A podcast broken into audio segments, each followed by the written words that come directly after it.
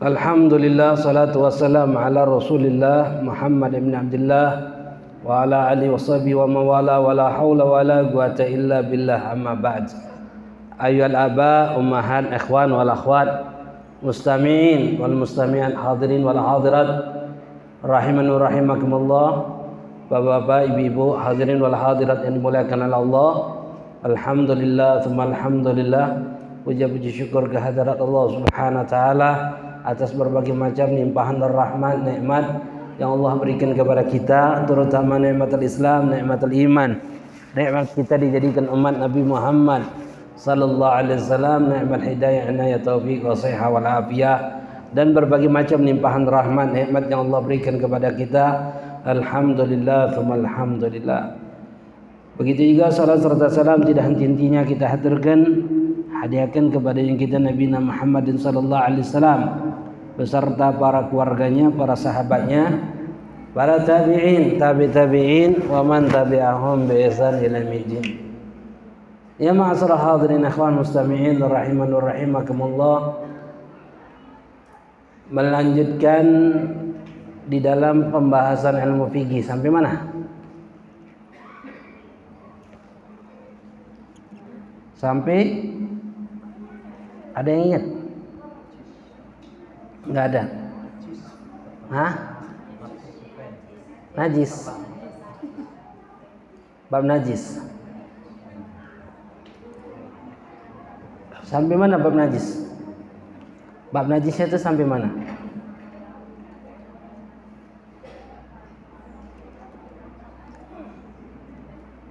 Ya Allah.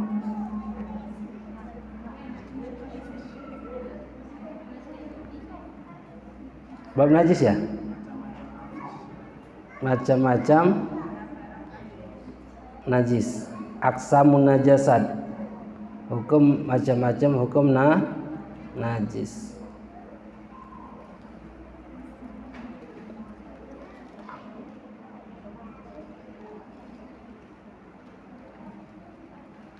Kita sudah membahas di sampai mananya?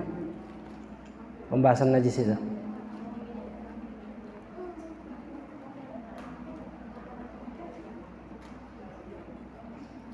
Sampai mana? Ada ingat? Sampai Ustadz Muhsininnya nggak datang, jadi nggak ada yang ngingetin. Kita ini sebetulnya tergantung sama Ustadz Muhsinin ternyata. Nggak semuanya. Karena Ustadz Muhsinin Habib kasih tugas untuk nyatet sisa. Sampai mana terakhir? Benda-benda najis. Ya sampai mananya? Apa?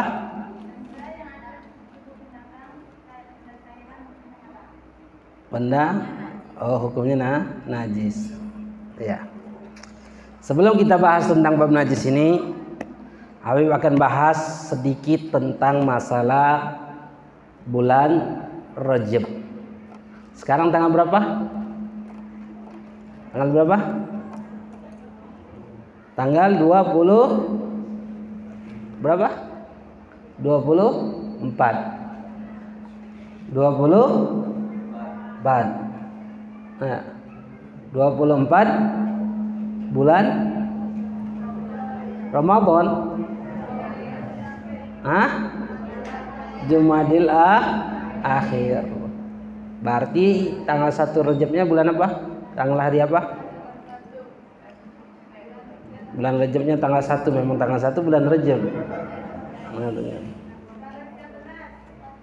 Tanggal berapa Rejab? Hari apa? Hari apa? Hari malam Sabtu. Malam Sabtu itu malam tanggal 1 Re Rejab. Habib jelaskan tentang sedikit fadilah keutamaan di bulan Rejab. Bulan Rejab adalah bulan yang agung. Bulan yang sangat dimuliakan oleh Allah bulan yang dikenal dengan bulan haram. Ada empat bulan yang diharamkan. Yang pertama Dhul Qa'dah, Dhul Hijjah, Muharram dan Rajab. Empat bulan ini adalah empat bulan yang diharamkan oleh Allah Subhanahu wa taala. Bulan-bulan ini adalah bulan yang dimuliakan oleh Allah. Di antaranya bulan Rajab. Bu. Bulan Rajab adalah syahrul istighfar, bulan untuk memperbanyak salawat eh, perbanyak istighfar kepada Allah Subhanahu wa taala, meminta ampunan kepada Allah. Dalam suatu riwayat hadis Rasulullah sallallahu alaihi wasallam mengatakan Rajab syahrullah, Sa'ban syahri, wa Ramadan syahrul ummati. Rajab bulannya Allah, Sa'ban bulanku, Ramadan bulan umatku kata Rasulullah. Rajab bulannya Allah. Sya'ban bulanku kata Rasulullah. Ramadan adalah bulan umatku. Ulama mengatakan Rajab syahrul istighfar. Sya'ban syahrul salawat ala Nabil Mukhtar. Ramadan syahrul qiraatul Quran. Rajab adalah bulannya Allah. Bulan untuk memperbanyak istighfar, meminta ampunan kepada Allah. Bulan Sya'ban, bulan salawat kepada Rasulullah sallallahu alaihi wasallam. Kenapa bulan salawat? Karena Allah perintahkan salawat turun ayatnya itu di bulan Sya'ban. Ayat apa? Innallaha wa malaikatahu yusalluna 'alan nabi ya ayyuhalladzina amanu sallu alaihi wasallimu taslima. Di bulan apa? Bulan Sya'ban. Makanya bulan Sya'ban kata Rasulullah itu bulanku kata Rasulullah. Bulan untuk memperbanyak salawat kepada Rasulullah. Rasulullah. Bulan Ramadan adalah bulan umatku kata Rasulullah. Bulan kiraatul Quran. Bulan untuk memperbanyak membaca al Al-Quran. Di bulan Rajab awal malam Rajab ada malam yang dimuliakan oleh Allah malam yang mustajab doanya. Rasulullah sallallahu alaihi wasallam mengatakan dalam suatu riwayat hadisnya, "Khamsun layalin la yuraddu doa." Lima malam yang lima malam tersebut Allah tidak akan pernah menolak doa seorang hamba Allah. Apa lima malam tersebut? Awal Lailatul Rajab, malam pertama di bulan Rajab. Malam nisfu Sya'ban, malam Jumat, malam Idul Adha, malam Idul Fitri. Lima malam ini dikenal dengan malam yang doanya mustajab. Artinya tanggal 1 Rajab hari apa? Sabtu. Berarti malam Sabtu sudah masuk tanggal 1 Rajab. Malam Sabtu sudah masuk tanggal 1 Rajab. Perbanyak doa. Jangan lupa doakan Habib. Habib wasiat sama jenengan. Kalau orang wasiat itu harus dilaksanain. Laksanain enggak? Laksanakan. Apalagi Habib yang wasiat ini sama jenengan. Kualat jenengan enggak wasiatnya enggak dilaksanakan. Doakan Habib ya. Jangan lupa. Ingat nih, doakan di dalam doanya sebut nama Habib Habib Ahmad bin Ali Al-Kaf biar hidupnya berkah. Kemudian perbanyak istighfar. Meminta ampunan kepada Allah Subhanahu wa taala. Karena dalam suatu riwayat hadis Rasulullah sallallahu alaihi wasallam mengatakan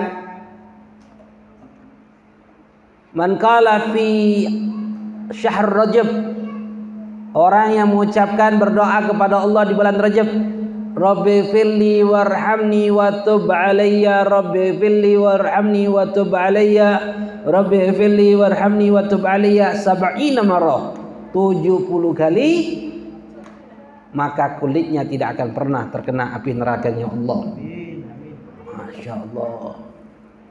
70 kali kulitnya nggak akan terkena api nerakanya Allah. Baca apa? Ayo bareng-bareng kita baca. Rabbi fil warhamni wa tub alayya tiga kali. Rabbi Rabbi filli Jadi itu baca tuh, hafalkan dawami. Kapan itu?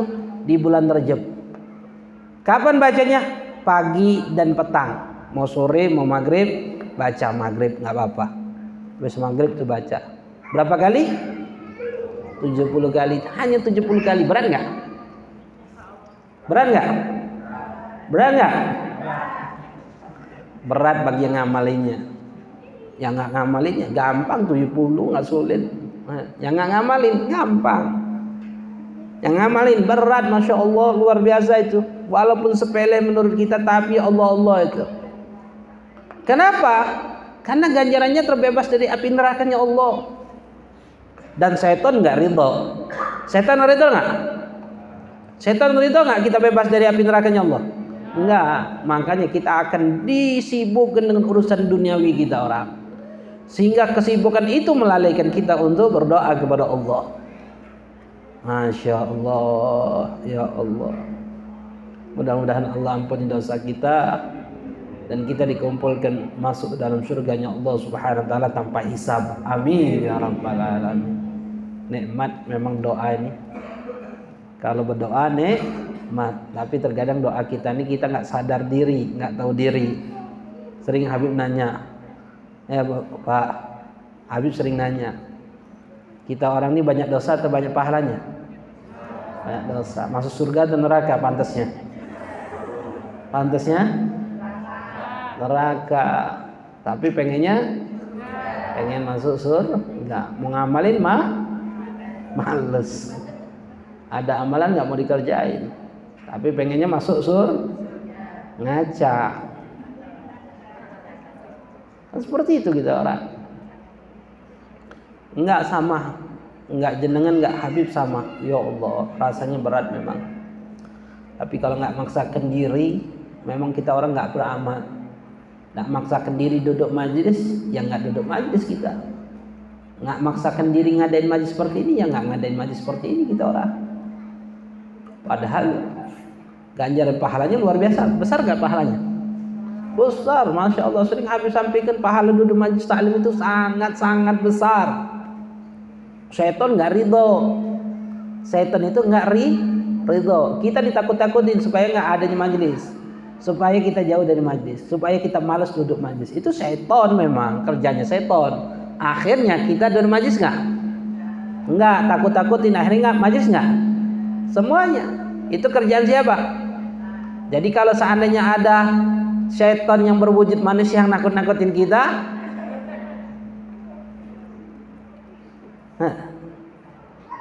artinya dia syaitan kenapa? Nggak ridho Masya Allah banyak nggak sekarang ini manusia berwujud syaitan? Bah? Tahu Bu siapa?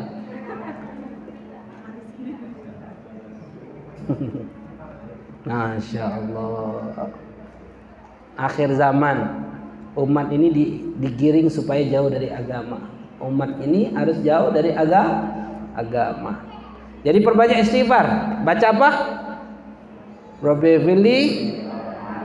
wa tub Terus jangan lupa dawamkan sayyidul istighfar tiga kali pagi tiga kali malam. Tiga kali pagi tiga kali ma baca apa? Sayyidul istighfar. Hafal nggak? Hafal nggak? Bu, padahal dulu sudah habis kasih tuh. Hah? Lali. Oh lali jenengan. Apa bacanya? Ayo bareng-bareng yang hafal sama Habib. Bismillahirrahmanirrahim. Allahumma anta rabbi la ilaha illa anta khalaqtani wa ana abduka wa ana ala ahdika wa ahdika ma stata'tu a'udzu bika min syarri ma sanatu abu'u laka bi ni'matika alayya wa abu bi dhanbi faghfirli fa innahu la yaghfir dhunuba illa anta. Itu sayyidul istighfar. Jenengan cari tanya ama Mbah Google ada tuh sayyidul istighfar. Jenengan fotokopi jenengan simpen jenengan print. Kopi simpen taruh tuh letakin di depan tempat biasa jenengan sholat tempel di dinding. Setiap habis sholat tuh baca. Itu dikenal dengan sayyidul istighfar. Apa arti sayyid? Pemimpin daripada permintaan ampun kepada Allah. Artinya ini kalimat-kalimat yang paling agung. Kalimat yang paling agung yang diminta seorang hambanya Allah kepada Allah subhanahu wa ta'ala dengan ampunan. Kalimat apa? Dikenal dengan Sayyidul Istighfar. Pemimpin daripada isti istighfar. Baca tiga kali sehari, tiga kali malam. Sayyidul Istighfar. Itu akan ngampuni dosa-dosa kita. Kita orang ini umat Nabi ini sebetulnya kalau masuk surga itu gampang. Kenapa gampang? Karena banyak amaliyah yang sedikit tapi fadilahnya sangat besar. Baca istighfar Allah ampuni dosa kita. Wudhu kita diampuni dosa. Sholat kita diampuni dosa. Duduk majlis taklim saja kita besar pahalanya. Tapi ternyata kenapa banyak umat Nabi ini masuk neraka? Karena syaitan tidak ridho. Kita orang masuk sur, surga.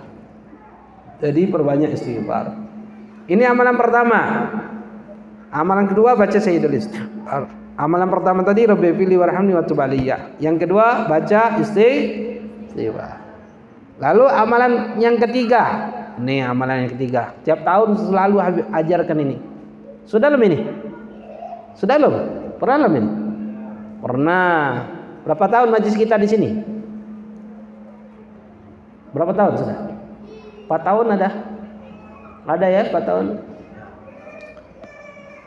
Masya Allah empat tahun ternyata nggak terasa hidup ini. Habib dibilang Habib suka ngajarnya di di pondok pesantren Habib ngajar di pondok. Anak-anak tuh yang diajar oleh Habib tuh di pondok tuh bilang Habib Habib. Ustaz mereka bilang Habib. Mereka panggil panggil Habib Ustaz. Ustaz Ustaz. Ustaz sudah tua eh. Enggak masih muda mengatakan masih muda. Enggak kata mereka sudah tua. Tua apaan? Tuh lihat jenggotnya putih semua. Ya Allah. Ternyata sudah tuh pasah padahal masih muda Habib. Sahabat masih muda. Habib kemarin periksa dokter ternyata banyak penyakitnya. Ya Allah. Ternyata hidup ini enggak lah, enggak lama. Makanya Pak Bu ingat ya, hidup ini untuk apa? Untuk mati kita orang. Hidup ini untuk mati, perbanyak bekal, perbanyak ah, amal. Nih, amalan yang ketiga. Ini amalan buat nyenangi kita orang hidup di dunia. Mujarab, terbukti sudah. Mustajab ini dok amalan ini. Nyesel jenengan nggak ngamalin. Habib saking bela-belaan ini ngamalin ini. Baca apa? Ahmadur Rasulullah Muhammadur Rasulullah. Kapan itu? akhir Rajab hari Jumat akhir Rajab Jumat akhir Rajab Kenapa Habib sebutkan sekarang jelasan ini? Karena kita nggak ketemu lagi. Ketemu lagi mungkin di bulan Syaban, awal Syaban kita. Karena per lima minggu kita hadir di sini. Itu awal Rajab, ya, Jumat akhir Rajab, ketika khotib sudah naik mimbar, baik bapak-bapaknya, ibu-ibunya baca Ahmadur Rasulullah, Muhammadur Rasulullah sebanyak 35 kali. Ahmadur Rasulullah, Muhammadur Rasulullah, Ahmadur Rasulullah, Muhammadur Rasulullah. Baca 35 kali.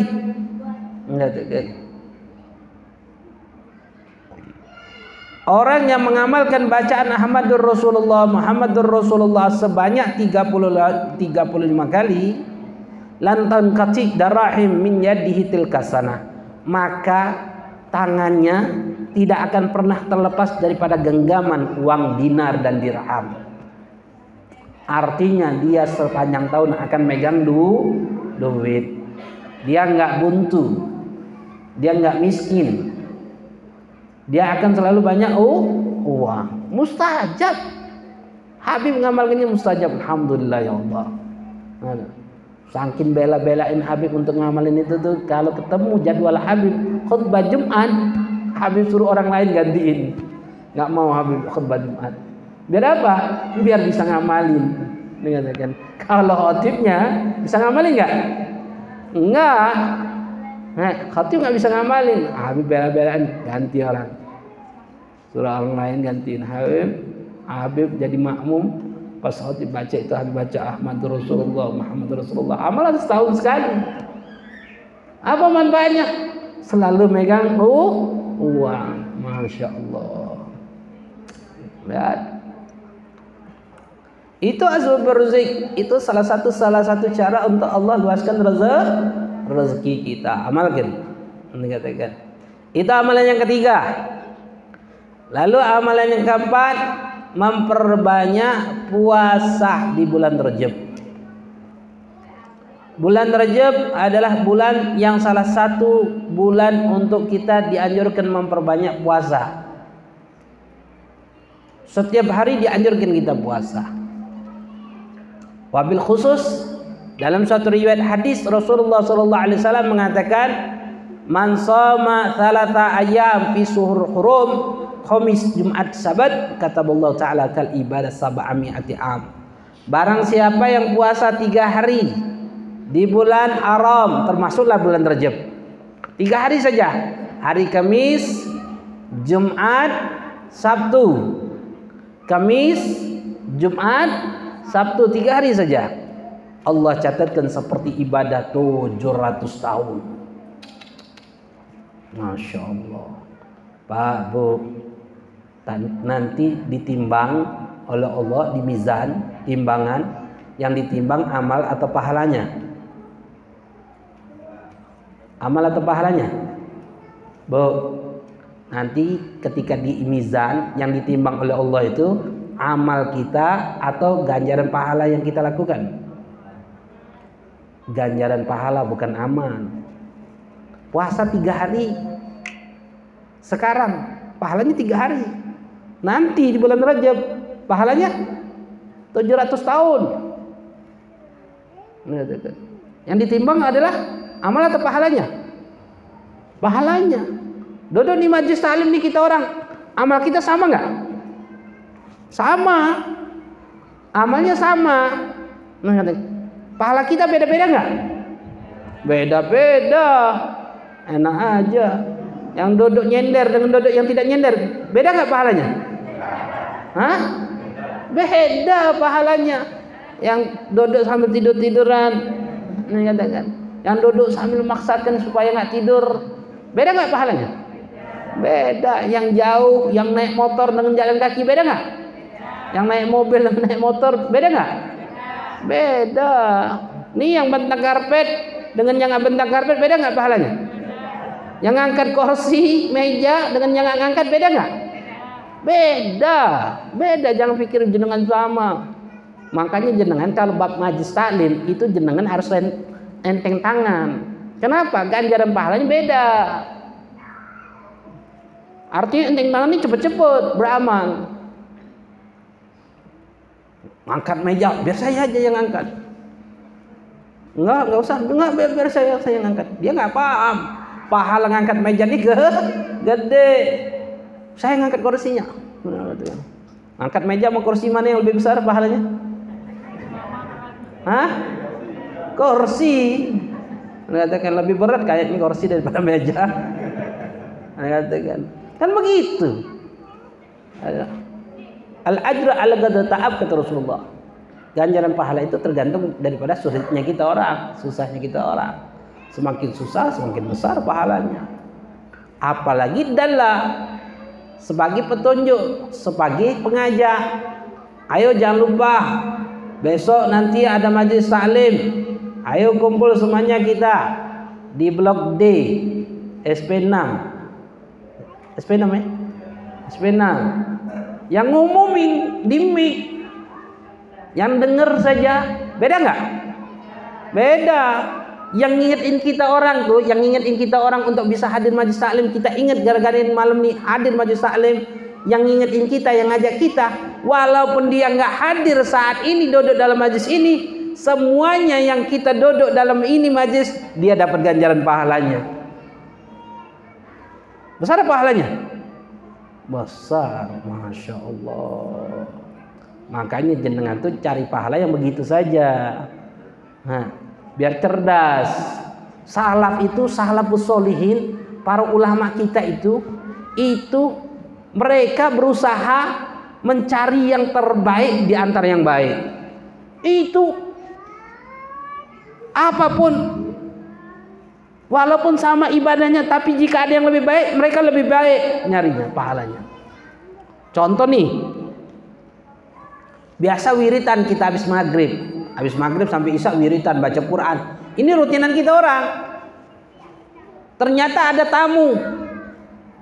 Mana yang lebih afdol? Melayani tamu atau kita wiridan? Tamu. Kenapa? Ganjaran pahalanya lebih besar.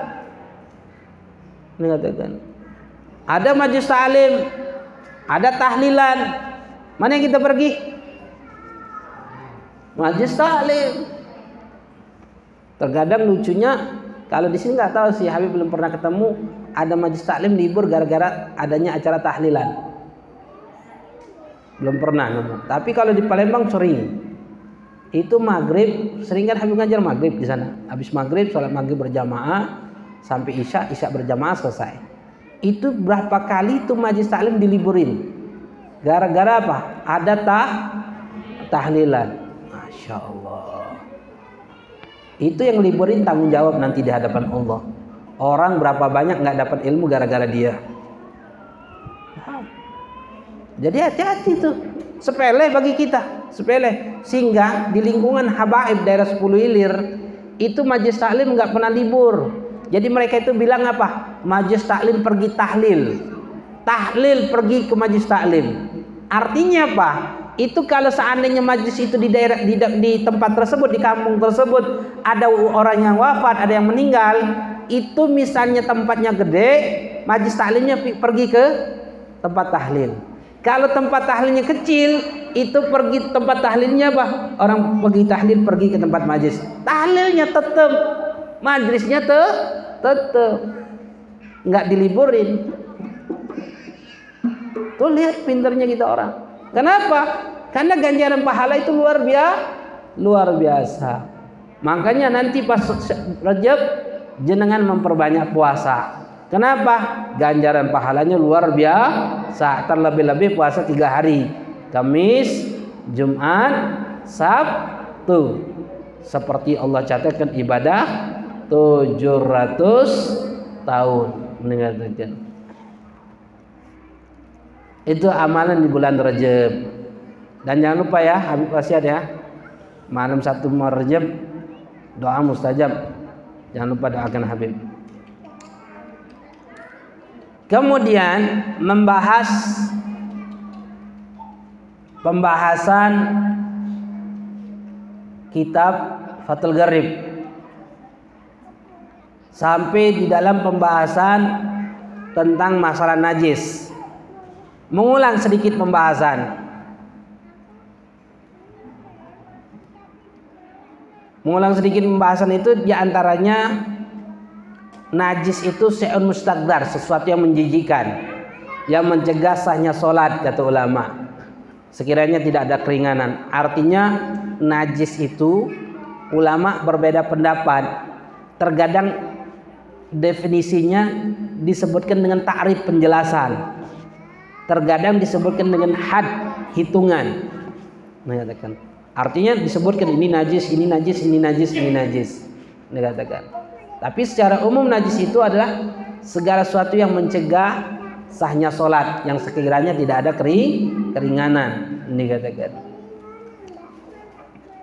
Wa kullu ma'i kharja minas sabilain najis. Ingat setiap benda cair yang keluar dari kemaluan hukumnya adalah najis. Ma'e dikatakan. Tapi sebaliknya jika tidak keluar dari kemaluan maka tidak dihukum najis. Lihat dulu kondisinya. Begitu juga yang keluar daripada tenggorokan. Dari perut hukumnya najis. Tapi yang keluar dari kepala ke atas najis nggak? Air ludah najis nggak? Dahak dahak najis nggak? Dahak najis nggak? Enggak. Tai upil upil upil najis nggak? Tai kuping nih najis nggak? Tai mata Najis enggak? Enggak. Iler, iler. Najis enggak? Iler najis enggak? Iler najis enggak? Enggak, iler kucing. Najis enggak? Enggak, sama. Manusia sama hewan sama kucing itu sama. Kecuali anjing dan ba babi. Enggak najis. Iler walet. Najis enggak? Hah? Makanya kalau habaib bilangnya walid itu apa? Waladun soleh. Nah, bukan walid mereka bilang waladun soleh. Anak yang soleh yang menghasilkan yang menyenangkan yang punya u yang punya walid terus uang. Masya Allah. Waladun soleh. Walid walid najis gak ilernya? Boleh dimakan nggak iler? Boleh. Iler sendiri boleh nggak apa-apa. Kalau iler lain boleh nggak air ludah orang lain boleh nggak? Boleh nggak? Boleh nggak? Nggak boleh haram. Kecuali dengan dua syarat. Tabarukan. Di tahnik ada anak kecil bayi bawa kurma tahnik. Airnya apa kurma dicampur dengan air ludah dimasukkan di mulut anak tersebut. Itu boleh tabarukan. Habib doakan Habib. Habib sembur dengan air ludah nah, kan. Minum kan? Boleh nggak? Boleh. Ditabarukan mengambil keberkahan. Yang kedua ditabaruk ini dahsyat orangnya. Yang kedua ditaladut kata ulama untuk keledatan. Keledatan suami istri. Suami istri kalau ciuman air ludahnya campur tuh. Tetelan halal nggak? Halal dikatakan. Selain itu boleh nggak? Nggak. Kalau tabarukan itu dahsyat. Salah satu kalau di pondok, pondok pesantren dulu itu saking untuk bisa menghilangkan e, membersihkan hati daripada sifat sombong dan segala macamnya. Itu kalau makan kan nampanan di pondok itu. Makan nampanan. Habis selesai makan, kita orang tuh cuci tangan di, di cuci tangannya di ya, nampan itu. Cuci tangannya di nampan. Kumur-kumur kan?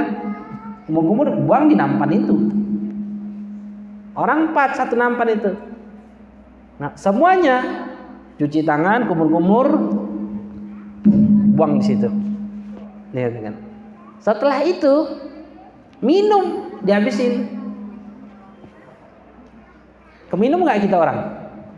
Keminum nggak Hah? Pak, Bu, kepindah mak jenengan? Enggak, karena apa? Karena jenengan menganggap itu ji, jiji, menganggap itu tidak layak saya minum. Kenapa? Karena jenengan kita orang menempatkan diri kita di posisi bahwasanya kita ini sesuatu yang mulia. Kita tidak tidak menjijikkan diri kita, tapi kalau di antara kita sudah di titik merendahkan diri kita, menjelekkan kita, maka kita akan minum itu. Itu tabarukan, mengambil keberkahan. Tujuannya apa? Menghilangkan sifat ego, sombong, merasa diri kita lebih baik. Dan itu salah ulama-ulama kita seperti itu. Habib ada Syekh Amin sebegitu ulama besar di kota Mekah sekarang ini beliau mengatakan. Itu ke Yaman, ke Hadramaut, Habib punya guru nih Habib Salim. Makan satu nampan, habis kumur-kumur nih Habib Salim. Kumur-kumur di apa? Di cucian tangan itu, cuci tangan, kumur-kumur tuh Habib Salim. Habisnya saya Amin itu minta sama Habib. Silakan kata Habib. Diambil diminum itu. Oh, Masya Allah. Tabarukan. Nah, lihat luar biasa. Ada orang-orang yang seperti itu. Ada. Mengambil keberkahan. Menyatakan.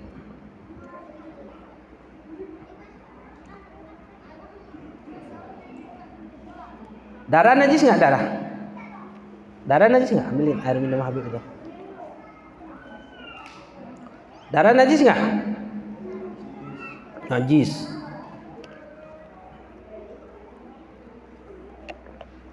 Boleh nggak berobat dengan sesuatu yang najis? Boleh nggak berobat dengan sesuatu yang najis? Nggak boleh. Kecuali tidak ada sesuatu yang menggantikan kedudukan yang najis itu. Misalnya nggak ada yang suci yang menggantikan kedudukannya, maka boleh baru kita berobat dengan sesuatu yang na najis. Ada kan obat obat cacing itu tahu? Obat apa namanya? Tipes-tipes. Orang makan obat cacing itu. Najis itu. Nggak boleh dikatakan. Kecuali tidak ada lagi yang suci yang menggantikan kedudukan yang najis itu. Kalau ada yang suci, nggak boleh. Kalau nggak ada lagi, baru boleh kita berobat dengan sesuatu yang najis itu. Mengatakan. Kecuali khomer. Kalau khomer nggak boleh. Kenapa? Karena Rasulullah katakan, lam Allah sifa ummati fi maharuma alaih. Allah tidak jadikan obat bagi umatku sesuatu yang diharamkan oleh Allah. Artinya itu maknanya ada khomer alkohol. Artinya alkohol nggak boleh semua. Kalau kotoran Rasulullah najis nggak? kotoran Rasulullah najis nggak? Nggak. Kotoran Rasulullah nggak najis. Kencingnya Rasulullah itu pernah diminum. Pernah diminum sahabat. Kencingnya Rasulullah itu pernah diminum sahabat. Habasiyah. Meminum kencingnya Rasulullah maka Rasulullah mengatakan apa? Lan talijunnar batnak. Maka tidak akan pernah terbakar diri diri kamu daripada api nerakanya Allah. Masya Allah. Ada lagi sahabat yang meminum darahnya Rasulullah. Siapa? Abad Taibah dikatakan termasuk juga Abdullah bin Zubair. Itu adalah orang-orang yang pernah minum darahnya Rasulullah dari bekam Rasulullah itu dibekam bekam darah candu keluarkan darah Rasulullah perintahkan untuk buang. Ini sahabat Abu Taibah ini eh, dengar itu dikatakan pergi keluar mau buang darahnya Rasulullah. Oleh mereka apa? Diminumnya. Oleh Abdullah bin Zubair. Pada saat itu Abdullah bin Zubair masih anak-anak. Abu Taibah sudah dewasa itu diminum darahnya Rasulullah ya. lalu Rasulullah nanya Kau buang darahnya. Tidak ya Rasulullah. Kau ke mana kan? Aku minum ya Rasulullah. Apa jawab Rasulullah? Man khalata damhu dami lam sunar. Barang siapa yang bercampur darahnya dengan darahku, maka dia tidak akan pernah terbakar daripada api nerakanya Allah. Masya Allah. Darah roh, sun. Darah na, Nabi nggak terbakar. Insyaallah.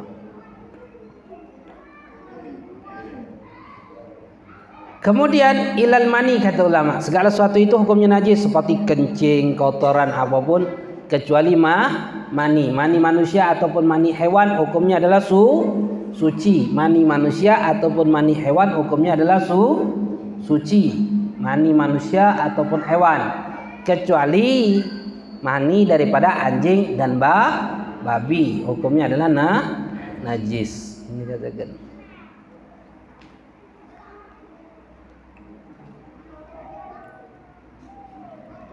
Kemudian selain cairan tidak najis. Seperti apa? Misalnya hewan yang hidup yang keluar. Seperti apa? Cacing. Keremian keremian ada kan najis nggak keremian itu Uletnya najis nggak? Hah? Uletnya itu najis nggak? Enggak. Enggak najis uletnya. Artinya kalau ulet itu kita cuci, kita bawa sholat, sah nggak sholat kita? Sah nggak? Sah sholatnya. Kenapa? Karena nggak najis. Asal hi, hidup. Kalau bangkai, najis. Kemudian, nih tutup botol. Makan telan keluar tutup botol lagi. Apa hukum tutup botol ini? Najis nggak? Nggak. Namanya apa? Mutanajis. Tinggal dicuci hukumnya jadi su suci. Makanya hukum apa namanya? Kopi luwak itu hukumnya mutanajis. Dicuci jadi suci. Nah, digoreng bikin kopi diminum lagi bangga lagi yang minum. Masya Allah. Padahal daripada taiknya mu musang. Pernah Habib lagi datang ke rumah orang, dia diundang, disodorkan kopi. Minum, beb, kopi beb. Habib mau angkat minum kopi itu, dia sambil minum. Ini beb kopi enak, dia bilang. Pas mau minum dia bilang, ini beb kopi luwak. Berhenti langsung. Mahal beb harganya. Jarang orang bisa minum. Harganya 2 juta. Habis tergesit lagi, ini kopi apa? Kopi luwak. Luwak yang dari musang itu Habib bilang. Iya, asli. Bukan kopi luwak yang setan kan ada kopi luwak setan. Bukan beb, asli ini dia bilang. Hmm, Habib bilang, nggak jadi Habib minum. Beb, minum beb, enak beb, nggak. Makasih Habib bilang, cari minuman yang lain aja Habib bilang. Dia katakan, Habib pikir bilang sama dia, masa itu kan bekas ee-nya luak, tainya musang, bangga minumnya. Ngikutin siapa tuh orang? Hah? Ngikutin Rasulullah atau orang kafir? Orang kafir bangga dia minum kopi itu. Waduh, naudzubillah teman naudzubillah. Akalnya sudah hilang. Ada lagi sekarang nih model kopi luak, bukan kopi luak, kopi tai gajah. Dari gajah. Ada sekarang ini mahal juga harganya. Bangga lagi. Naudzubillah. Tapi nggak tahu kalau kopi luak yang sasetan itu asli apa enggak? Enggak ya. Enggak ada.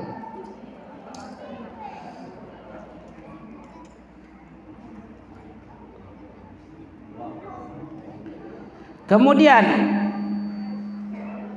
segala sesuatu yang tidak bisa diolah oleh perut lam tuhilhu ma'ida falaisa binajisin. Maka tidak dihukumi na najis. Bal mutanajis akan tapi hukumnya mutanajis. Apa beda najis dan mutanajis? Apa bedanya najis dan mutanajis? Ayo pak. Bu bu apa bedanya najis dan mutanajis? Kalau najis n-nya nggak bisa disucikan. Kalau mutanajis suatu yang suci yang bisa disucikan. Baju nih kalau kena najis namanya baju ini apa? Mutanajis. Tainya apa namanya? Najis. Dikatakan. Jadi apa pun yang nggak bisa diolah, hukumnya mutanajis keluar dari kemaluan. Paham? Jadi ingat-ingat tuh, cairan yang keluar dari perut yang ada di dalam perut ini apa hukumnya?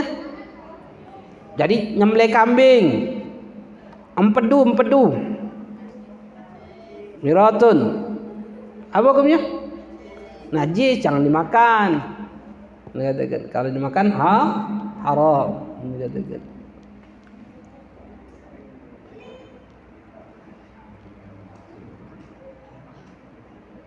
Wa ghusl jami' abwal wa awraf dan wajib bagi kita untuk mencuci segala sesuatu yang terkena daripada najis tersebut ini katakan walau kana min makulil lahmi walaupun daripada makanan yang dagingnya dimakan. Artinya setiap kotoran yang keluar dari kemaluan hukumnya adalah na najis. Walaupun binatang yang boleh dimakan. Kenapa disebutkan walaupun binatang yang boleh dimakan? Karena ada pendapat. Ulama mengatakan kalau binatang itu boleh dimakan kotorannya nggak najis. Seperti apa? Kambing, ayam. Itu ada yang mengatakan tidak najis kotoran itu. Tapi mayoritas pendapat dalam madhab syafi'i hukumnya adalah najis. Hukumnya na, najis. Dan wajib bagi kita ketika kita terkena daripada najis tersebut, hukumnya wajib dicuci. Dikatakan wajib Wajibnya kapan? Seketika atau nanti? Misalnya kita keinjak tai ayam, wajib dicuci seketika atau nanti? Nanti kata ulama, nggak wajib seketika. Nah, kenapa? Karena keinjak tai ayam itu najis, tapi tidak wajib langsung dicuci. Nanti saja biarin dulu nggak apa-apa. Dikatakan. Nah, tapi jika membutuhkan kesucian baru wajib dicuci. Mau sholat, mau masuk rumah, masuk ini, eh, baru wajib dicuci kecuali kalau sengaja Kalau sengaja kita ngotori diri kita dengan najis, maka wajib kita cuci. Kenapa? Karena ngotori diri kita dengan najis hukumnya haram. Tahu nggak jenengan? Suka nggak di sini? Nggak tahu kalau di sini. Itu kalau sudah sembelih kambing, sembelih ayam, sembelih sapi dulu, kalau sudah mau lebaran tuh, lebaran korban, itu darahnya suka kita cuci kaki. Ada nggak di sini? Ada. Apa hukumnya? Haram. Nggak boleh. Kenapa? Karena ngotori kakinya dengan nah, najis. Habis lagi pisaunya tuh, habis pisau sudah nyemble, dilap di pakaiannya. Walaupun pakaiannya sudah najis, dilap lagi, ngotorin lagi. Apa hukumnya? Haram. Gak boleh ngotori badan kita dengan nah, najis. Dikatakan haram, dikatakan.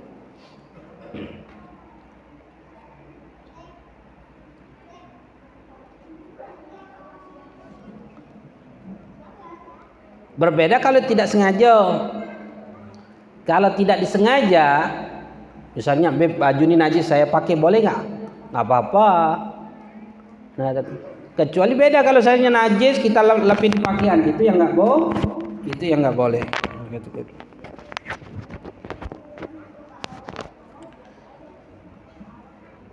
Kemudian wa kaifatul ghusl najasa dan cara menghilangkan najis. Cara daripada menghilangkan najis. Najis itu terbagi menjadi dua. Kalau najis mutawasito itu terbagi menjadi dua. Ada ainia, ada hukmia. Ada secara ain, ada secara hukum.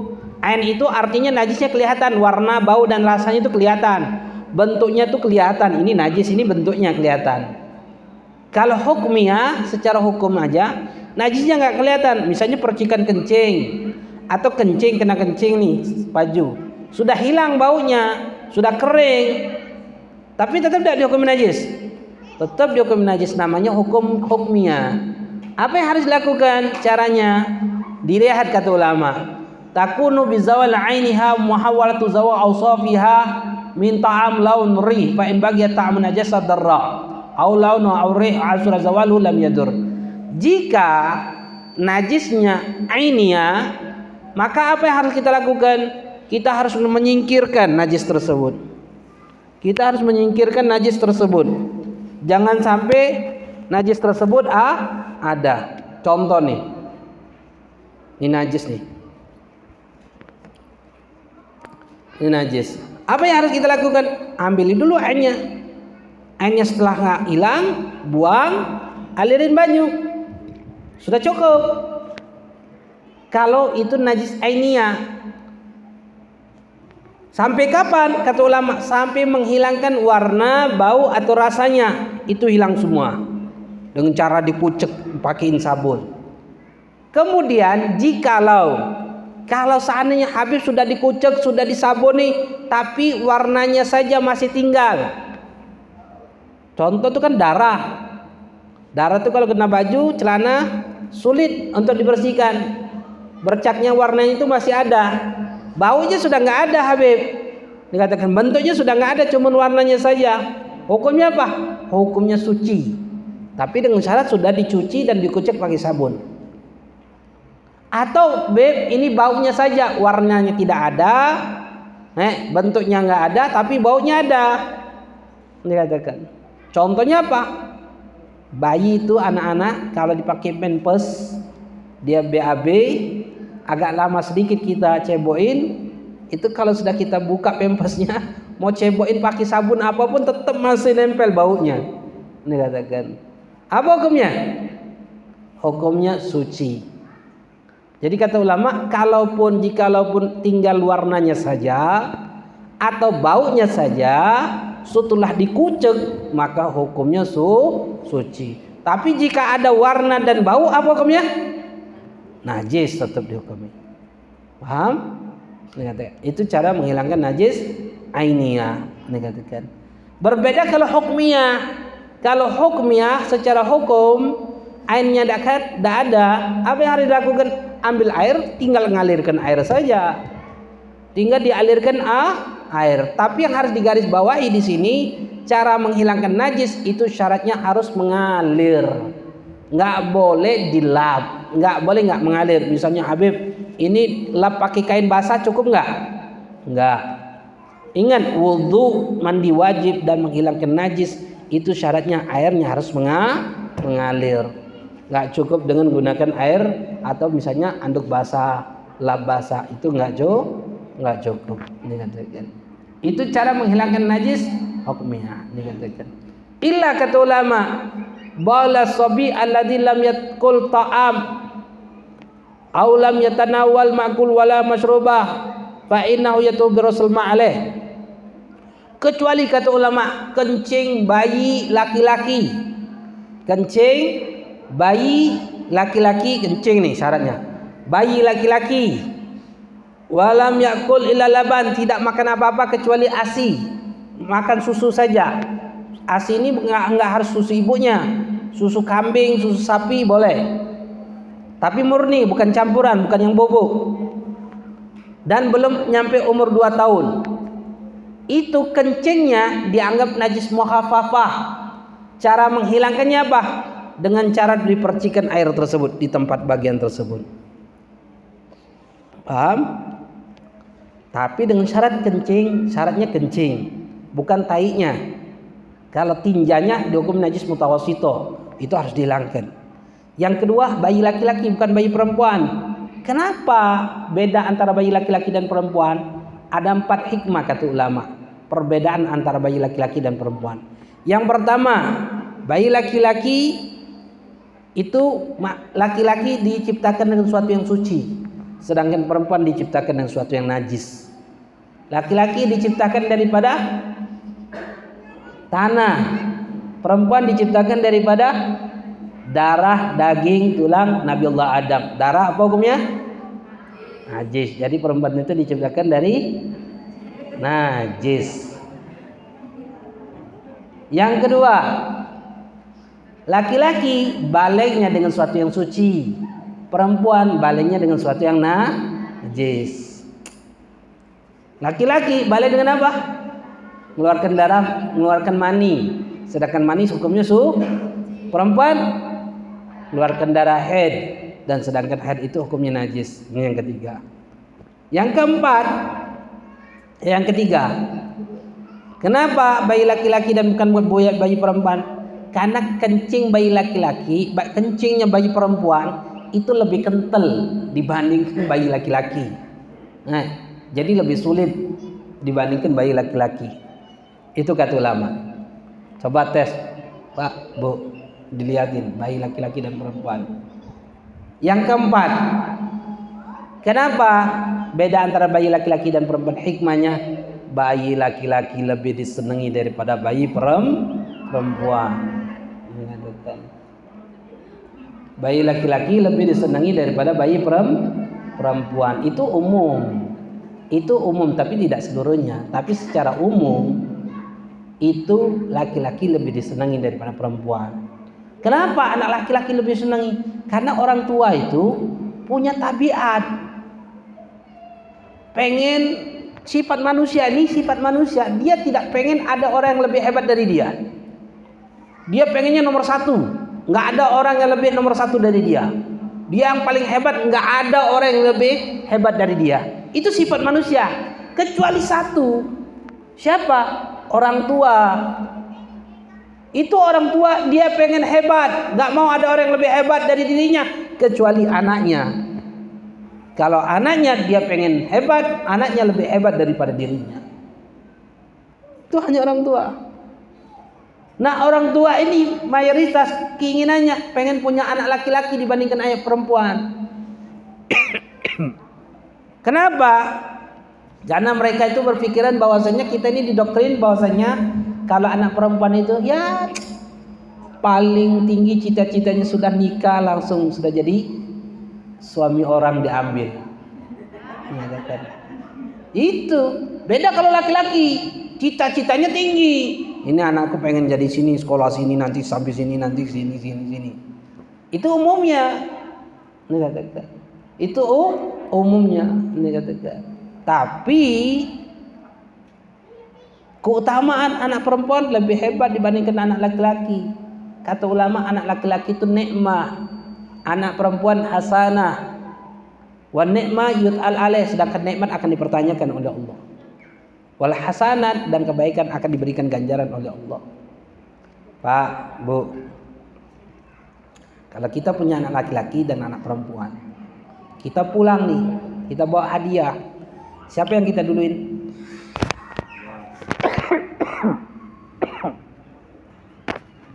Harus kita dahulukan anak perempuan. Harus didahulukan anak perempuan. Bukan anak laki-laki. Ingat tuh. Kalau kita pulang dibawa hadiah, anak perempuan dulu kita kasih, baru anak laki-laki. Tuh ingat tuh. Mengatakan memiliki tiga anak perempuan dijamin surga kalau dirawat sampai dia nikah. Nah, jika memiliki tiga anak perempuan, kalau yang belum tiga tambah lagi bu, ayo pak. Nah, tam, tambah biar tiga biar masuk sur kalau kita rawat nih sampai dia menikah surga buat kita buat orang tuanya. Masya Allah. Masya Allah mengatakan maka beruntunglah yang punya anak perempuan mengatakan tapi ingat Pak Bu ngurus anak perempuan lebih susah dibandingkan anak laki-laki. Tanggung jawabnya besar. Bebannya be besar. Sering habis sampaikan ini hukum. Nah, jadi kita perempuan dijaga oleh empat laki-laki. Suaminya, bapaknya, saudaranya, terus putranya. Ini empat laki-laki ini harus menjaga jika kita punya anak laki-laki dan perempuan, kita tekenin nih sama anak laki-laki. Kau harus jadi pimpin. Kau harus jaga saudari-saudarimu. Kau harus jaga bakyumu. Kau harus jaga adekmu. Harus jaga. Yang perempuan, eh ingat, walaupun kamu bakyunya, kakaknya, ayunya, tetap kau di bawah pengawasan dia. Walaupun itu adekmu tetap kau bertanggung jawabannya adalah dia. Dia yang akan bertanggung jawab terhadapmu. Sampai kapan? Bukan sampai menikah. Sampai dia mati atau kamu yang mati. Paham? Ini kita punya saudara nikah sudah acuh tak acuh. Habib dia kan sudah punya suami. Enggak. Tetap kita jaga dinya. Walaupun dia sudah punya suami, kita jaga. Walaupun ayu kita, walaupun adik kita, kita tetap kita jaga. Didik dia, marahin dia. Supaya didik bagi? Didik didik supaya jadi apa? Supaya menjadi istri saleha.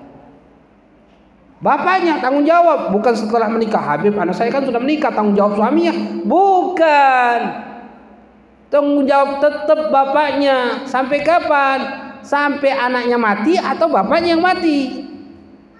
Didik apa? Didik itu sebagai menjadi istri so, soleha. Karena sulit untuk mendidik perempuan itu menjadi istri soleha. Sulit nggak? Sulit nggak jadi istri soleha? Sulit. Karena itu banyak perempuan yang masuk neraka. Kenapa? Memang sulit. Karena sebab paling banyak perempuan masuk neraka sebabnya adalah nusus. Durhakannya dia kepada sua, suami. Tapi ingat, ketika dia masuk neraka jangan harap jenengan masuk surga. Jenengan yang sebagai bapaknya, suaminya, anaknya, saudaranya, itu akan diminta pertanggungjawaban oleh Allah. Kenapa membiarkan itu istrinya, membiarkan putranya, membiarkan putrinya, membiarkan anaknya, apa membiarkan istrinya, membiarkan bakyunya menjadi istri yang durhaka, ke mana kamu? Kita akan diminta pertanggungjawaban oleh Allah. Jadi ingat bu ya, Allah Allah, jenengan itu masya Allah, dipikirnya enakan laki-laki dibandingkan perempuan. Ya dipikir ibu-ibu nih, laki-laki lebih enak dibandingkan perempuan, benar nggak bu? Iya, anak saja laki-laki boleh nikah banyak, perempuan nggak boleh. Itu kan pikirannya. Oh, enak saja maunya diurusin, nggak mau diurusin. Enak saja maunya menang sendiri. Enggak. Kenapa? Karena beban itu yang Allah berikan di dunia ini kecil dibandingkan beban nanti di akhirat. Perempuan itu nggak diminta pertanggungjawaban atas suaminya, diminta nggak pertanggungjawaban? Enggak. Suaminya maksiat jenengan diminta pertanggungjawaban? Enggak. Bapaknya maksiat jenengan diminta pertanggungjawaban? Enggak. Tapi kita yang diminta pertanggungjawaban. Makanya Habib kadang kasihan melihat bapak-bapak di dunia sudah susah, di akhirat tambah su susah. Nah, Allah kasihan. Makanya Pak hidup di dunia ini jangan susah-susah. Harus senang sen senang-senang. Kenapa? Karena di akhirat jenengan itu pakil pasti bakal su susah. Jadi bayi laki-laki memang sudah sifat tabiat manusia lebih disenangi makanya selalu digendong jadi berapa banyak sahabat-sahabat itu kencing di pangkuan Nabi siapa saja yang kencing di pangkuan Nabi dikatakan. Ada enam orang yang pernah mengencingi Nabi. Siapa yang pertama? Yang pertama yang mengencingi Nabi adalah Sayyidina Hasan cucunya Nabi. Yang kedua Sayyidina Hussein yang ketiga Abdullah bin Zubair. Yang keempat Sulaiman. Yang kelima Bani Hisham. Yang keenam Ibnu Ummi Qais. Tujuh sahabat ini, eh, enam sahabat ini pernah kencing di pangkuannya Rasulullah SAW. Maka apa yang dilakukan oleh Rasulullah? maka Rasulullah cukup memercikan airnya saja. Lihat kan? Itu yang dilakukan oleh Rasulullah. Hadis ini menunjukkan betapa sayangnya Rasulullah dengan anak-anak. Senangnya Rasulullah itu dengan anak-anak. Makanya tidak ada satu pun riwayat pernah nggak terdengar satu riwayat bahwasanya Rasulullah pernah memukul anak-anak, pernah memarahi anak-anak pernah nggak? Enggak. Jadi jenengan jangan pernah marah-marah sama anak-anak. Ini kalau sudah marah kayak orang dewasa. Kayak anaknya itu kalau dimarah itu anaknya paham. Sering nggak Pak Bu begitu? Habis sering tuh melihat ada orang tua, istri juga kadang seperti itu kalau dia suka ini lupa. Itu kalau marahi anak seakan anak seakan-akan anak itu ketika melakukan kesalahan dia paham dia melakukan kesalahan. Padahal paham nggak dia? Enggak. Kenapa kita marahnya berlebih-lebihan? Marah mukulin anak. Seakan-akan anaknya paham. Anak coret-coret ini dipukul sampai nangis. Anak mecahkan HP dipukul. Anak coret-coret dinding mecahkan ini mecah itu dipukul. Seakan-akan si orang tua melihat bahwasanya anak ini paham dengan apa yang dia lakukan. Ternyata orang tuanya yang bo bodoh. Ingat itu, hati-hati itu. Kita boleh mukul anak, tapi ingat tujuan kita mukul itu tarbiyah, nggak lebih. Tujuannya untuk tarbiyah mendidik saja, bukan untuk menyakiti. Karena terkadang kita ini sudah lupa diri kalau mukul anak tujuannya untuk nyakitin anak. Anak sakit nggak? Sakit. Kita ingat-ingat itu. Boleh kita mukul, boleh kita pukul mengatakan boleh mengatakan mengatakan pernah. Sayyidina Ali atau Sayyidina Umar? Sayyidina Ali kalau salah. Nah. Ketika memarahi Hasan atau Husain di hadapan Rasulullah sallallahu alaihi wasallam. Mengatakan mengatakan. Maka pada saat itu Rasulullah Sallallahu Alaihi Wasallam ada membiarkan hal tersebut, membiarkan hal tersebut, karena tujuannya untuk tar tarbiyah mendidik Sayyidina Hasan. Artinya boleh marah, bo boleh marah. Itu kita yang mendidik anak, karena bebannya besar. Jadi kalau seandainya dikencingin apa yang harus dilakukan? Cukup percin saja, bayi laki-laki bukan bayi perempuan. Yang ketiga belum makan apa-apa kecuali ASI. susu baik itu susu ASI, susu ibunya atau susu kambing, susu onta, susu sapi, susu kuda liar.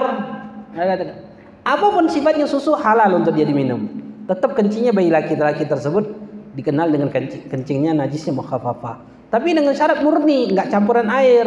Kalau sudah bubukan itu, itu campuran air namanya. Kencingnya mutawasitoh nantinya. Mengatakan.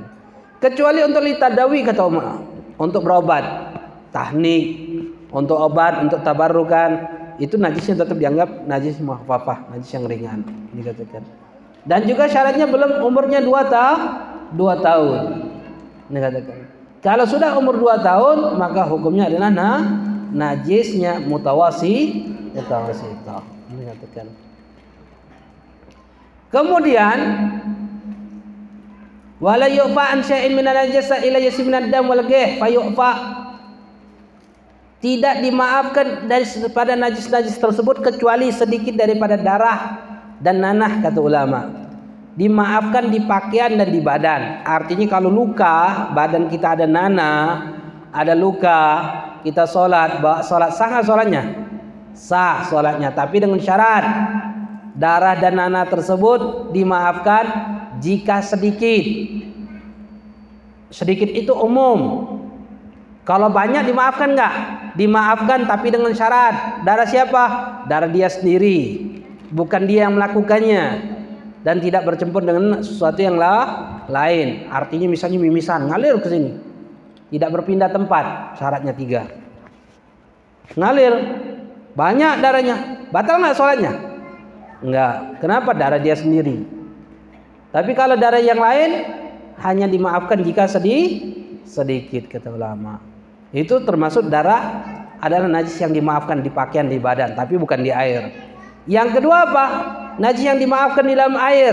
Dikatakan apa? Bangkai binatang yang darahnya tidak mengalir ketika dibelah anggota tubuhnya. Seperti cicak dan lebih kecil daripada cicak. Contoh lalat jatuh di air ini. Dikatakan najis ke airnya? Enggak. Kalau lalatnya bangkai lalat kita bawa sholat, sah sholatnya? Nggak sah. Najisnya itu dimaafkan di air saja. Nah, katakan darah najisnya dimaafkan di pakaian saja. Kalau tangan kita luka darah, masukin tangannya di sini. Najis sudah ini? Najis. Itu ingat ya. Tapi dengan syarat darah tersebut apa bangkai tersebut najisnya dimaafkan dalam syariat di dalam air itu dengan syarat ada dua. Yang pertama najis tersebut tidak diletakkan dalam keadaan bangkai, artinya jatuh sendiri. Misalnya ada bangkai semut, kita letakkan di sini, apa hukumnya? Najis. Tapi kalau sudah memang datang sendiri, jatuh sendiri, maka hukumnya su suci. Yang kedua syaratnya apa? Lam yataghayyar, tidak berubah. Kalau berubah maka hukumnya menjadi na najis dikatakan. Wallahu a'lam bisawab dikatakan. Nanti kita lanjutkan lagi, ingatkan pembahasan terakhir. Ingatkan pembahasan berikutnya bulan depan kita akan membahas tentang najis-najis yang dimaafkan dalam syah, syariat. Nah, dikatakan. Itu akhir bab kita pembahasan.